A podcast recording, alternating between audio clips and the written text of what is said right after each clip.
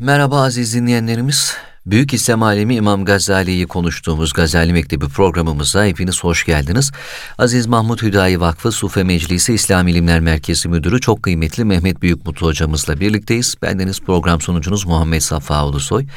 Değerli dinleyenler İmam Gazali'nin hayatının ışığında insanlığın ortak yolculuğuna bir bakış atacağız inşallah. Bugün sadece bir düşünürün, bir hakikat arayıcısının hayatına değil, aynı zamanda insanın iç dünyasına yapılmış bir yolculuğa da çıkacağız. Çünkü onun derin düşünceleri ve hayat yolculuğu aynı zamanda insanın evrensel manevi ihtiyaçlarını anlama çabasının da bir yansımasıydı. Gazali'nin hayatı sadece tarih sayfalarında yer alan bir hikaye değil, aynı zamanda bazı sorgulamalarla, zorluklarla ve duygusal iniş çıkışlarla dolu gerçek bir yaşam öyküsüydü. Kendi yolculuğunu yaparken o aynı zamanda insanın ortak deneyimlerine de ayna tutmuş bir bilge isimdi. Onun yaşamı yalnızca fikirlerle değil aynı zamanda kalbin derinliklerinde yaşanan bir hikayeyle de dolu. içsel bir arayışı, manevi bir dönüşümün öyküsü. Kendi iç dünyasında yaşanan yaşadıkları sonunda kendi öğretilerini ve insanlığa bıraktığı mirası derinleştiren faktörlerden de birisi oldu. Gazali'nin etkisi sadece kendi zamanının sınırları içerisinde kalmadı. Onun fikirleri İslam dünyasını değil aynı zamanda Batı düşüncesini de etkiledi. Düşünceleri felsefeyle din arasındaki ilişkiyi sorgularken aynı zamanda insanın manevi huzurunu arama çabasına da ışık tuttu. Gazali'nin öğretileri ve düşünceleri sadece bilgiyle değil aynı zamanda insanın duygusal deneyimleriyle de derin bir bağ kuruyor. Yazdığı kitaplar vesilesiyle diyebiliriz. Sevgili hocam hoş geldiniz. Şerefler verdiniz. Hoş bulduk. Teşekkür ederim Mustafa kardeşim. Allah razı olsun. Efendim geçtiğimiz bölümde artık İmam Gazali'nin eğitim hayatını e, aktarmıştınız bizlere. Evet. E, Cüveyni'den bahsetmiştik son olarak. E, çok önemli hocaları vardı İmam Gazali'nin. Bunlardan hareketle e, ilerleyen süreçte şimdi e, hakikat arayışıyla alakalı İmam Gazali'nin izlediği yolu sizden rica edeceğim, sorular soracağım bu konuda. Fakat İmam Gazali'nin özellikle yaşadığı bir bunalım var ya da bir sorgulama süreci var. Oraya gelmeden önceki aktarmadığımız bir bölüm vardı hayatıyla alakalı. Cüveyni e, hocası olarak e, en son konuştuğumuz isimdi. Buradan hareketle e, medrese hocalığına ve işte tasavvufa bakışıyla alakalı gelişmelere kadar süreci ilerletebiliriz. Neler söylersiniz? Teşekkür ediyorum. Bismillah, elhamdülillah, ve salatu ve selamu ala Resulillah ve ba'd. İmam Cüveyni rahmetullahi aleyh Gazali'nin özellikle fıkıh, hilaf ilmi yani farklı disiplinler arası, farklı mezhepler arası meseleleri mukayese edebilme, mezhepteki yetkinliği, cedel ilmi, usul, mantık, hikmet gibi alanlarda mahir olmasında önemli bir noktayı teşkil ediyor İmam Cüveyni. İmamul Harameyn el Cüveyni olarak biliniyor. Aynı zamanda Şafii fukahasından olduğu için İmam Cüveyni yani İmam Gazali'nin hocası e, İmamul Harameyn hem Mekke'de hem de Medine-i Münevvere'de bilinen bir isim olduğu için bu ismi alıyor ve İmam Gazali'nin hayatında da oldukça önemli bir yeri teşkil ediyor. Hatta İmam Gazali rahmetullahi aleyh İmam Cüveyni ile tanışmadan önce 20 5-26'lı belki yaşlarda. Yani 28 yaşı öncesinde. Çünkü İmam Cüveyni vefat ettiğinde İmam Gazali henüz 28 e, yaşında. 478'de vefat ediyor. E, dolayısıyla o yaşa gelmeden Gazali El Menhul isminde fıkıh usulünde bir kitap kaleme alıyor. Bu Şafii fıkıh için önemli bir kitaptır. İmam Cüveyni talebesi olan Gazali'ye muhabbetinden e, zaten daha önce şöyle söylüyordu. İmam Gazali derin bir umman, e, geniş bir ufku olan denizdir diyor. Sonra bu kitabını gördükten sonra e, beni henüz vefat etmeden kabre koydun diyerek bir hem sitayişte hem de talebesiyle alakalı övgüde bulunuyor. Hı İmam Cüveyni rahmetullahi aleyh e, hasılı İmam Gazali'nin fıkıh, mantık, usul, hikmet, mezhepler arası e, mukayese ve muhalefet hilaf ilmiyle alakalı bir bakış sahip olmasında önemli bir etken. Nisabur'da hasılı İmam Gazali'nin ilim tahsil sürecinde Nisabur'dayken karşılaştı aynı zamanda hocası. 478 yılında İmam Cüveyni vefat edince Gazali rahmetullahi aleyh Nizamül Mülk'ün bu askeri karargahı olan Ordugah şehrine gidiyor. Burada takribi olarak 6 sene kadar Nizamül Mülk'ün o karargah şehir olarak, ordugah şehir olarak kurduğu yerinde kalıyor. Bu muasker olarak geçiyor mesela literatür içerisinde. Bu garnizon şehirler yani ordugah, ordular için kurulan şehirler İslam tarihinde meşhurdur. Ee, Hazreti Ömer'in Küfe ve Basra'da kurduğu mesela ve Abbasiler döneminde kurulan karargah, ordugah şehirler, garnizon şehir olarak ifade edilen mesela Fustat, Samerra bunlardan birkaçı.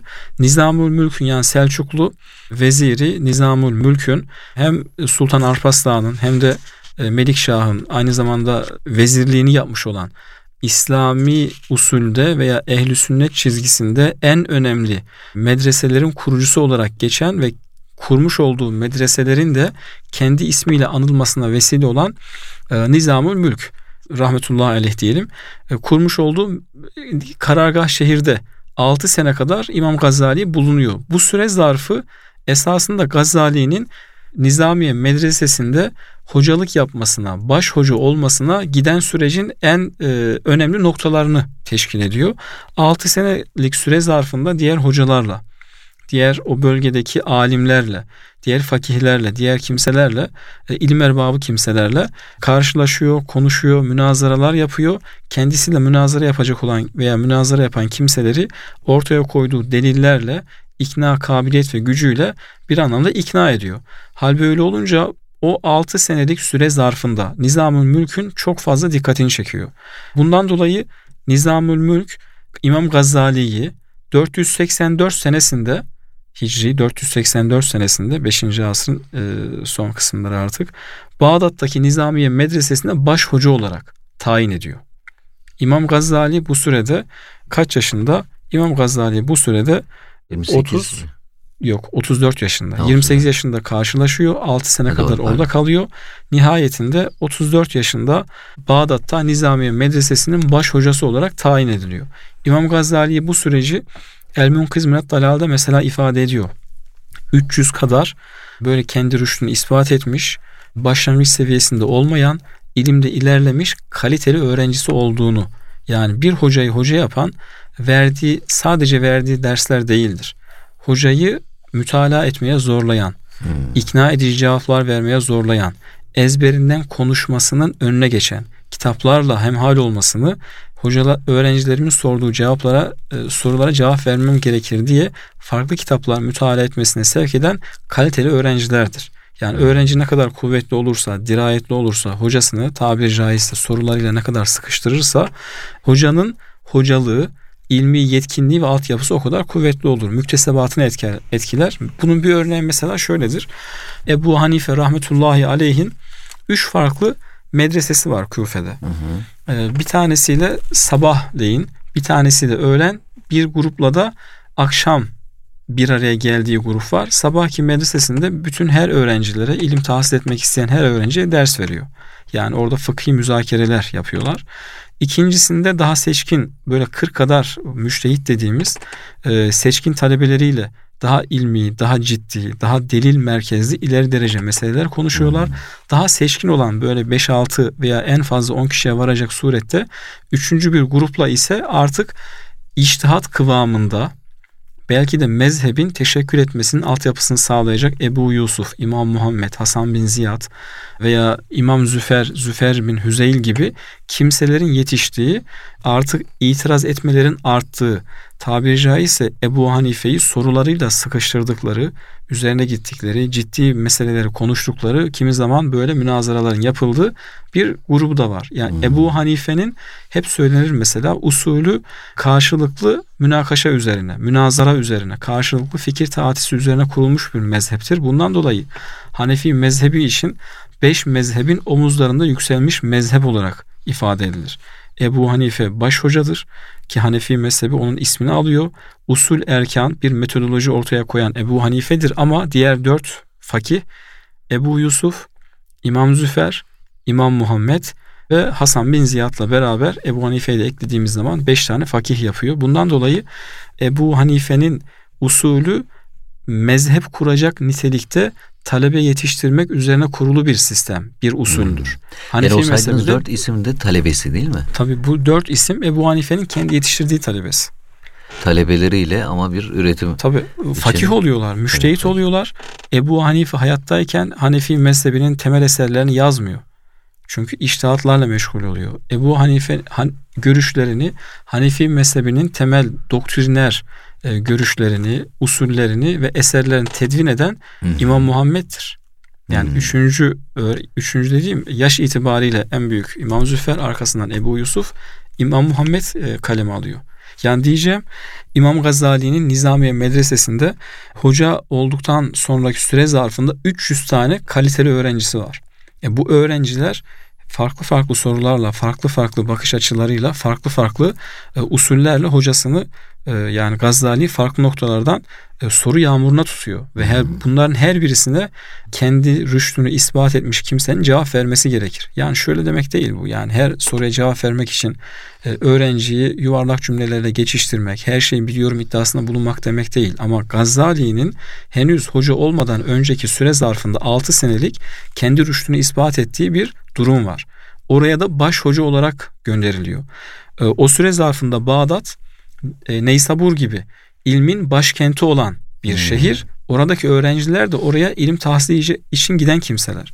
Hal böyle olunca sorulan soruya baş hoca unvanıyla atanmış kimsenin cevap verememesi birinci derecede Gazali'ye ama ondan da önemlisi Nizamiye Medresesi'ne ve ilim başkenti olan Bağdat'a ve bunu temsil eden veya bunu himaye eden devlete okay. bir nakisadır. Bundan dolayı Gazali'nin fikri olarak ilerlemesinde, ilmi olarak tekamül etmesinde bu öğrencilerin de hatı sayılır bir yeri vardır. Diyebiliriz yani şey olarak. Yani İmam Gazali'nin e, yetiştiği ortam çok hareketli özellikle hocaları ve bir önceki bölümde de konuşmuştuk. Biraz not aldım buraya. İşte Mekki, e, Hamedani etkilendiği isimler belki Farmedi yazmışız, Bağdadi, İsmaili ve bunlar hepsi de aynı ekolden belki aynı düşünce grubundan da değiller. İşte kimisi Değil. tas, mutasavvıf, Hı-hı. kimisi işte Şia e, olan ders aldığı birisi var mesela. Dolayısıyla bunlar onun zihin dünyasını çok geniş bir belki de perspektifte çok geniş bir düzlemde şekillendiren, e, ufkunu açan evet. hareketlerde olmuş olabilir hayatının ilk noktasında. Dediğiniz gibi 300 tane çok kaliteli öğrenciyle e, baş başa kalmak da onu zaten üretmeye yönelten sebeplerdendir. İmam Gazali'yi bu noktaya kadar özellikle baş müderris olduktan sonra e, sorgulamaların artık artacağı ve nihayet uzletle neticeleneceği sürece getiren müessirlerden bir tanesi de tasavvuftur diyebilir miyiz hocam? Tabii. Şimdi burada tasavvufa aslında geçmeden önce Gazali'yi bu sürece götüren unsur e, Nizamiye Medresesi'nde artık bir kimsenin dünyevi olarak bir alimin daha doğrusu dünyevi olarak elde edebileceği bütün şöhreti elde etmiş oluyor. Hmm. Yani ilmi tabii ki ilim tahsil edecek kimselere bir vasıta olarak kullanıyor ve bu kimselerin öğrenmesini temin ediyor. Müderrislik yapıyor. E, tam manasıyla bir müderrislik, bir profesörlük, bir hocalık. Yani kendisinden ilim tahsil etmek isteyen her bir öğrenci ilmi kana kana almasını sağlıyor. Bunu temin ediyor. Fakat 4 sene kadar Nizamiye Medresesi'nde hocalık yapıyor. Bu sürede kendisi diyor ki evet bir taraftan ders veriyordum, öğrencilerle ilgileniyordum, burada baş hocalık yapıyordum fakat bununla beraber e, bazı kitaplar, bazı eserler mütalaa ediyordum. Bunlardan mesela Ebu Talip el-Mekki'nin Kutul Kulubu tasavvufta yazılmış kült eserdir, önemli bir eserdir. Veya Haris el-Muhasebe'nin Haris el-Muhasebe'nin Er-Riaye li Hukukillah isimli kitabı yine bu tasavvufta tasavvuf ilminin metodolojik olarak ilerlemesinde önemli bir yani tasavvufi hallerin olsun tasavvufun e, farklı meseleleri temel konularını ele almada önemli bir yeri halis. Veya Cüneydi Bağdadi'den nakledilen farklı kanallarla kendisine gelmiş olan farklı kitaplarda e, onun fikirlerine atıf yapılan görüşleri oldukça etkili oldu diyor. Ve neticesinde diyor ki ben bu kadar ilim tahsil ettim. Tuz kentinde başlayan, Cürcan ile devam eden, sonra Neysabur'da Cüveni ile pekişen, arkasından Bağdat'ta artık müderris olarak mücessem hale gelen, hocalığa götüren süreçte Nizamiye Medresesi'nde ders vermeye getiren kıvamda bu merhaleler etkili oldu. Ancak gördüm ki diyor benim bu kadar süre zarfında okuduklarımın yanında tasavvufa dair Ebu Ali Farmedi'nin veya Hemedani'nin veya Haris el Muhasibi'nin veya e, Ebu Talip el Mekki'nin veya muhtelif kanallardan duyduğum Cüneydi Bağdadi'nin görüşleri bunlar mütalaa ettikten sonra anladım ki diyor bu kimseler hal erbabı kimselerdir. Kal erbabı kal yani söz sahibi kimseler yazdıklarından, çizdiklerinden ibaret olmayan, bilakis bunları yaşayan yani hatta seyri ve zevk sahibi kimselerdir diyerek kendisinde bir ufuk açıldığını, bir bakış açıldığını, bir yönelişe sevk edildiğini ifade ediyor. Ee, bundan dolayı Gazali'nin bu yönelişinin arka planında tasavvufa dair okuduğu eserlerin çok fazla payı vardır, hissesi vardır. Onun için bir yön açan artık böyle kendi iç muhasebesini, nefsiyle mücadele etmesini, niçin okuyorum, niçin okutuyorum, niçin varım, hakikat nedir? Kişiyi Allah Teala'nın rızasına götüren şey nedir? Bunun için mi yaratıldık? Kişiyi ahirete ulaştıracak olan ilim ve bilgi nedir? Sorgulamaları yapmasına vesile olan şey okuduğu tasavvufla alakalı bu eserlerdir. Görüyor ki nihayetinde de bu kimseler hatta ifadesi şöyle ennehum erbabul ahval la ashabul akval hal sahibi kimseler olup sadece sözden ibaret olmayan kimselerdir e, diyor ve bu eserlere biraz yönelişi başlıyor. Bundan sonra artık dünya ile alakamı kestim. Yönelişimi dünyevi olarak ilerlemesine müsaade etmedim. Terk etmek istedim. Ve tamamıyla bu darul gurur olan kişinin makam, mevki, mansıp, şan, şöhret elde edebileceği bir mekandan darül huluda yani ahirete, ahirette bizi Allah Teala'nın rızasına ulaştıracak olan şeylere yöneldim. Ve bununla alakalı olarak Allah Teala'dan bütün yönelişlerimi kesmesini, sadece kendi rızası için bir arayış içerisine girmeme vesileler yaratmasını temenni ettim. Diyor. Fakat Gazali'nin bu duası makbul oluyor ancak Gazali bu sürede yine belirli imtihanlarla karşı karşıya kalıyor. Şöyle ki diyor ki kendisi ben bu şekilde bir arayışa girdim fakat bütün bu dünyevi unsurları, sahip olduğum şeyleri, ilim bunların başında gelir. Öğrenciler bunların başında gelir. Yani sadece maaş ve dünyalık değil. Kişinin sahip olduğu şan, şöhret, rütbe sahip olabileceği bütün mallardan daha değerlidir bir kişinin itibarı cebindeki cüzdanından daha değerlidir, daha kıymetlidir. Bunları terk etmek benim için oldukça zor oldu. Bir gün bu noktada adım atıyorum. Tamamıyla her şeyi bırakacağım, inzivaya çekileceğim diye ama ertesi gün geri adım atmak zorunda kalıyorum. Bir taraftan şeytan diyor ki nefsim beni zorluyor. Bunlar gelip geçici heveslerdir. Bu sahip olduğun şeyler aslında seni Allah rızasına götürecek şeylerdir diyerek tabiri caizse şeytan sağımdan geliyor, zihnimi çeliyor Ertesi gün bunun bir vesveseden, şeytani bir vesveseden ibaret olduğunu anlıyorum. Tekrar bu yönelişe giriyorum. Diyor İmam Gazali için bu süreç, bu muhasebenin, kendiyle cedelleşmenin mevcut olduğu bu süreç 6 ay sürüyor. 6 ay. Yani ben bu işi yapsam mı yapmasam tabii, mı süreci yani mi? Bütün her şeyden, Soyuttan. Nizamiye medresesinden, hocalıktan, rütbeden, ilimden tamamıyla el etek çekip bir camiye, gidip inzivaya çekilip tamamıyla sorgulamayı yani Allah Teala için kulluk yapmayı e, veya inzivaya çekilmeyi veya bütün bunlardan yüz çevirmeyi yapabilmem için diyor 6 ay kendimde cedelleştim. He, tabii ki diyor. çünkü inziva bir yerde böyle yok oluş gibi hissettiriyor insana. Çünkü bir elde ettiğiniz bir ömür çalışıp Evet. Tırnaklarınızla kazıyıp elde ettiğiniz bütün kazanımların sanki bir reddi miras gibi bir durum söz konusu oluyor. Yani ilim elde ettiniz 30 yıl 20 yıl neyse mal mülk edindiniz 30 yıl 20 yıl neyse bir gün diyorsunuz ki ben uzlete çekileceğim hı hı. ve biliyorsunuz ki 3 ay 5 ay şeyden. içerisinde herkes de sizi unutacak hakikaten nefse gerçekten çok ağır gelen bir şey.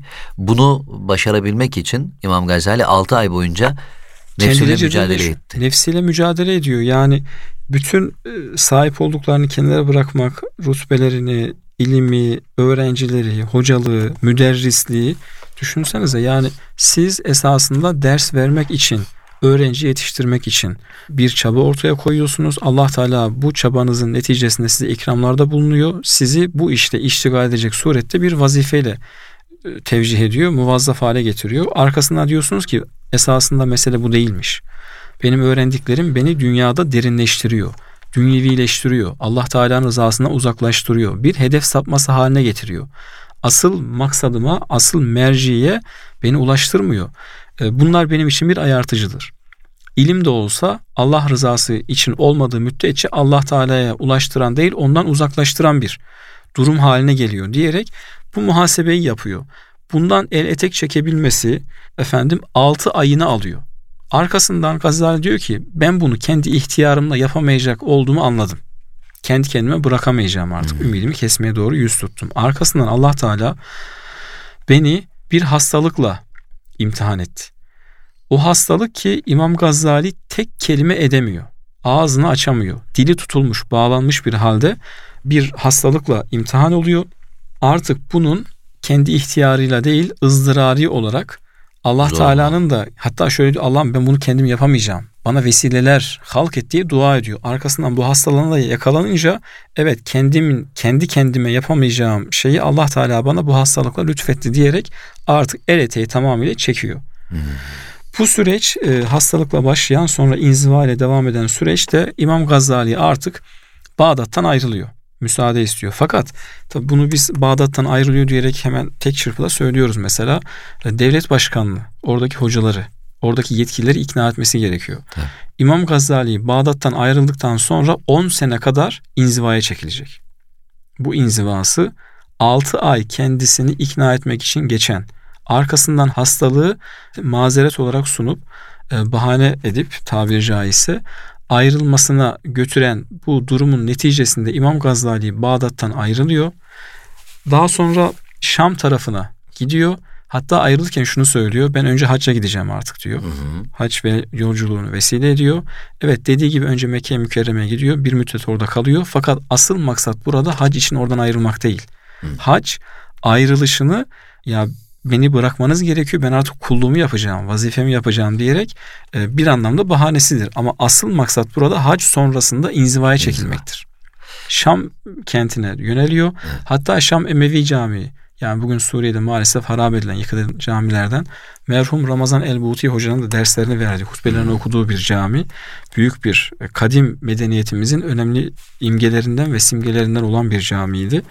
Orada inzivaya çekiliyor. Hatta orada Gazali'nin inzivaya çekildiği, sürekli olarak orada ibadet ettiği bir mekan olması hasebiyle onun adıyla anılan bir köşe bugün orada yine mevcut. İnziva ve halvetin yaptığı Gazaliye köşesi diye bilinen bir yer var. Caminin içerisinde. Caminin içerisinde. Hmm. Gazali'nin inzivaya çekildiği, ibadetini evet. yaptığı yer olarak biliniyor. Peki hocam şimdi ilim için yola çıktığı zaman işte Bağdat'a gidiyor. Tuz şehrine gidiyor işte Nişabur'a gidiyor. Buralar ilmin de e, lokal olarak belki merkezi e, sayılabilecek yerler. Özellikle Bağdat ilimlerin başkenti sayılabilecek evet. bir yer. E, Şam yolculuğu uzlet için özellikle seçtiği bir yer midir? Yorumlayacak olursak. Yani Şam'da o dönemde e, tasavvufi bir hareketlilik mi vardı yoksa daha sakin bir yerdir şeklinde bir düşünceyle mi yoksa ihtiyari burası olsun diye mi seçmiştir? E, kanaatinizi merak ettiğim için soruyorum. Yani orada gittiği zaman ya tabii kadim bir şehir. Hı hı. Şam e, öncelikle. Yakınlık da söz konusu. Yakınlığı da var. Zaten mıntık olarak baktığımız zaman Cürcan, Tuz, Hı-hı. Bağdat. Ha bunlar çok yakın yerler değil böyle yarım saatte, bir saatte, bir iki günde gidilebilecek yerler değil. Bunları o zaman ki şu andaki imkanlarla gitmiyorlar. At sırtında veya yayak Yürü. olarak gidiyorlar. Yürürek. Yayan Günde o, yani. 12 kilometre mi kaç kilometreydi bir insan yürüyebileceği bir şey vardı galiba. Sınır evet. vardı. Yani çok o Tabii bugünün bu şartlarında zorluyor. düşündüğümüzde günde işte 20 kilometre bile hani Az çok az bir mesafe ama o zaman için çok çok büyük bir mesafe yürüyerek kat ediliyor. Ya hem çok mesafe hem de bu kişiler giderken sadece bir el çantasını alarak gitmiyor. Kitapları ha. var, valizi var tabiri caizse ve yolda geçen uzun bir süre söz konusu kalacağı, yatacağı ve maişetini idame ettirebileceği e, yanında şeyler de var, eşyalar da var. Böyle olunca böyle oradan oraya gitti, buradan buraya gitti diyebileceğimiz uçak biletini aldı. Hemen TUS'a geçti. O kadar geçti. kolay Arkasından yolculuklar değil. Trenle, hızlı trenle efendim Cürcan'a geçti. Arkasından Tabii. Şam'a gitti gibi bir durum söz konusu. Bunların her birisi başlı başına bir külfet, Aylar bir süren zahmet. bir yolculuk. Aylar süren, haftalarımızı alan bir durumdan bahsediyoruz. Ora biraz daha gözden uzak, Irak. Gözden uzak bir yer. Fakat geçmişten gelen bir kıdemi olan başkentlerden bir tanesi Şam Emevi Camii. Hmm. Ee, öyle olunca aynı zamanda e, Halilur Rahman Camii'ne özellikle gidiyor. Bu süre zarfında şunu da ifade etmek gerekiyor. Gazali Şam'a gidiyor. Hmm. Kendisi bir gün yine camide inzivaya çekilir veya ibadet ederken Gazali'nin ismi verilerek sitayişle bahsedilen bir e, durumdan haberdar oluyor. İşte Gazali dedi ki Oraya Gazali, gittiği zaman tabi tabi Şam'da oranın Nizamiye halkının medresesindeki hocalık yıllarına atıfla bir kişi geliyor. Bu konuyla alakalı Gazali şöyle demiştir. Gazali'yi görmüyor o kişi. Hı. Gazali de orada ama. Evet. Gazali bu konuda şöyle demiştir. Gazali'nin görüşü şöyledir deyince İmam Gazali kibre götürecek diye Şam'dan ayrılıyor. He, Dolayısıyla Hmm, Gazali'nin sufiyane bir yaklaşım Tabii yani ben bakarsanız. buraya makam Evet. ve mevkiyi, kibri ve nefsi bırakmak Bırakın, için geldim. Fakat burada benim şayet kibrim artacak, nefsim perçinlenecek, şan şöhret yani geçmişten gelen bir miras olarak şan şöhretimi yani Bağdat'ta değil de Şam'da devam ettireceksen Bağdat'tan ayrılmanın, bu yolculuğa çıkmanın, bu zahmete katlanmanın bir anlamı yoktur Anlamı diyerek kalmayacak. Şam'dan ayrılıyor. Evet. Zaten ömrünün belli bir kısmını e, Kudüs'te geçiriyor. Halilur Rahman Camii'nde aynı şekilde inzivaya çekiliyor. Bu 10 senelik süre zarfı İmam Gazali için İhya Ulumiddin gibi baş eser ve yapıtların yazıldığı bir süreç olarak Evet. tarihte tecessüm Hocam ediyor. Kudüs dediniz e, o süre orayı da konuşuyoruz e, biraz. İnşallah. E, Şam'a gitmesinden almak kaydıyla bu bölümü burada noktalayalım istiyorum. E, diğer bölümde çünkü Şam'a yolculuğuyla birlikte bizi çok güzel e, olaylar bekliyor diye tahmin ediyorum. E, Gazali'nin çünkü hayatında e, tırnak içerisindeki o dönüşümün Evet. başladığı yer diyebiliriz. Eskiden denk gelirdim çok da beğenirdim. Basübadel Mevt diye kitaplar için zikrederlerdi bazı edebiyatçılar. Derlerdi ki işte 1920 yılında vefat etmiş bir yazarın kitabı Farz-ı Muhal 1990 yılında tekrar satmaya ve okunmaya başladıysa oraya yazarlardı işte muharrirler ya da kitap köşesinde yazan insanlar Basübadel Mevt artık öldükten sonra tekrar dirilmek gibi bir payedir bu bir yazar için şeklinde söylerlerdi. Yani bu özellikle İmam Gazali'nin bir uzletle adeta bütün makamı, mevkiyi, şanı, şöhreti öldürüp tekrar dirilmesi gibi bir yolculuğa mı evrilecek acaba? Bu soruyu size sorarak Şam yolculuğu nasıl geçti diye İmam Gazali'nin soracağız ve öylece başlayacağız. Bir sonraki programa bu noktada son sözlerinizi rica edelim ve kapatalım efendim. Ya tam dediğiniz gibi e, burada şu anekdotla belki kapatabiliriz. Lütfen. Mehmet Savaş hocam daha önceki ders yani programlarda kısmen ismi geçmişti bahsetmiştik. Evet. Allah Teala kendisine bereketli uzun ömürler versin. Bizler de kendisinden hakkıyla istifade etmeyi nasip etsin, lütfetsin. Kendisi uzun bir süre Suriye'de kalıyor. Onun hatta oraya gitmesi de büyük bir imtihandır. O Cumhuriyet Türkiye'sinin Türkiye'sinin ilk zamanlarında Konya'dan Suriye'ye uzanan bir yolculuk var. Mayın tarlalarını geçiyorlar. Büyük bir hastalık geçiriyor. Suriye'deki bazı kimseler Savaş hocamızın Türkiye'den geldiğini, Osmanlı bakiyesi olduğunu görünce göndermek istiyorlar. Sonra bir doktor diyor ki e, sakın buraya sana getirecekleri evrakı senedi imzalama. Bu senin aynı zamanda deport günümüzdeki ifadesiyle. Yani ülke dışına gönderilmen için bir imza atılacak şeydir diyor. Hasılı Savaş hocamızı orada fark edip Tayyar Altıkulaç Hoca galiba yanlış hatırlamıyorsam e, Savaş Hoca'yı Türkiye'ye davet ediyor. Yani gelmesinin başka vesilelerinden bir tanesidir belki bu. Geliyor Haseki'de İstanbul'da ders vermeye başlıyor. İmam Merginani'nin Hanefi mezhebinin en önemli kitabıdır belki. En önemli eseridir. Hint alt kıtasının önemli alimlerinden. İmam Merginani'nin El Hidaye kitabını okutmaya başlıyor. O sırada kapıda ayakta dinleyen yanlış hatırlamıyorsam Abdurrahman Gürses Hoca var. Ağlamaya başlıyor. Sonra ders bitiyor. Hoca efendi diyor ki bu Türkiye'de o kadar badirelerden sonra ilmin Türkiye topraklarından silinip sürgün edilip e, bazı kitapların hatta muhtelif entrikalar dolayısıyla toprak altına gömüldüğü bir süreç sonrasında Mehmet Savaş Hoca gibi bir alimin e, Hanefi mezhebinin önemli kitaplarından olan El Hidaye kitabını burada okutuyor oluşunu Ba'su Badel Mevt ölümden sonra yeniden hayat bulmak gibi görüyorum. Allah Teala'ya şükrediyorum. Şükrümden dolayı ağlıyorum diye ifade ediyor. E, o yüzden Basu Badel Mevt ölümden sonraki diriliş e, İmam Gazali için hani önceki hayatı bir ölüm hayatı değildi ama yeniden dirilişinde ilk basamaklarıydı. Türkiye topraklarında yaşanmış bir ölü toprağa serilmiş, serpilmiş bir durum vardı. Savaş hocamız gibi hocaların yeniden bu toprakları ihya etmesi, yetiştirdiği talebelerle burayı tekrar canlandırması, onun yazdıkları, onun talebelerinin yazdıkları, onun talebelerinin talebelerinin okuttukları gibi e, hususlarla Allah Teala'nın bu topraklara bir bereket vermesi basu badel mevt. Ölü sessizliğinden sonra yeniden dirilişin belki ilk emaresi olarak günümüze kadar cereyan etti. Allah Teala bu diriliş ruhunu, hassasiyeti, hamiyetperverliği ilmi olarak, irfani olarak, ahlaki olarak, ameli olarak ilahiyemil kıyamet sürdürmeyi bizlere lütfesin diyerek belki bitirebiliriz. Amin kıymetli hocam. Ne güzel bir e, anekdotla kapanış yapıyoruz. Çok çok teşekkür ederiz. Allah teşekkür razı olsun. Ederim. Eksik olmayınız. Aziz dinleyenlerimiz Gazali Mektebi'nin bu bölümünün de sonuna gelmiş bulunuyoruz. Çok kıymetli Mehmet Büyükmutlu hocamızla birlikteyiz. Önümüzdeki programda İmam Gazali'yi konuşmaya devam edeceğiz inşallah. Bir sonraki programda tekrar görüşünceye dek Allah'a emanet olunuz. Hoşçakalın efendim.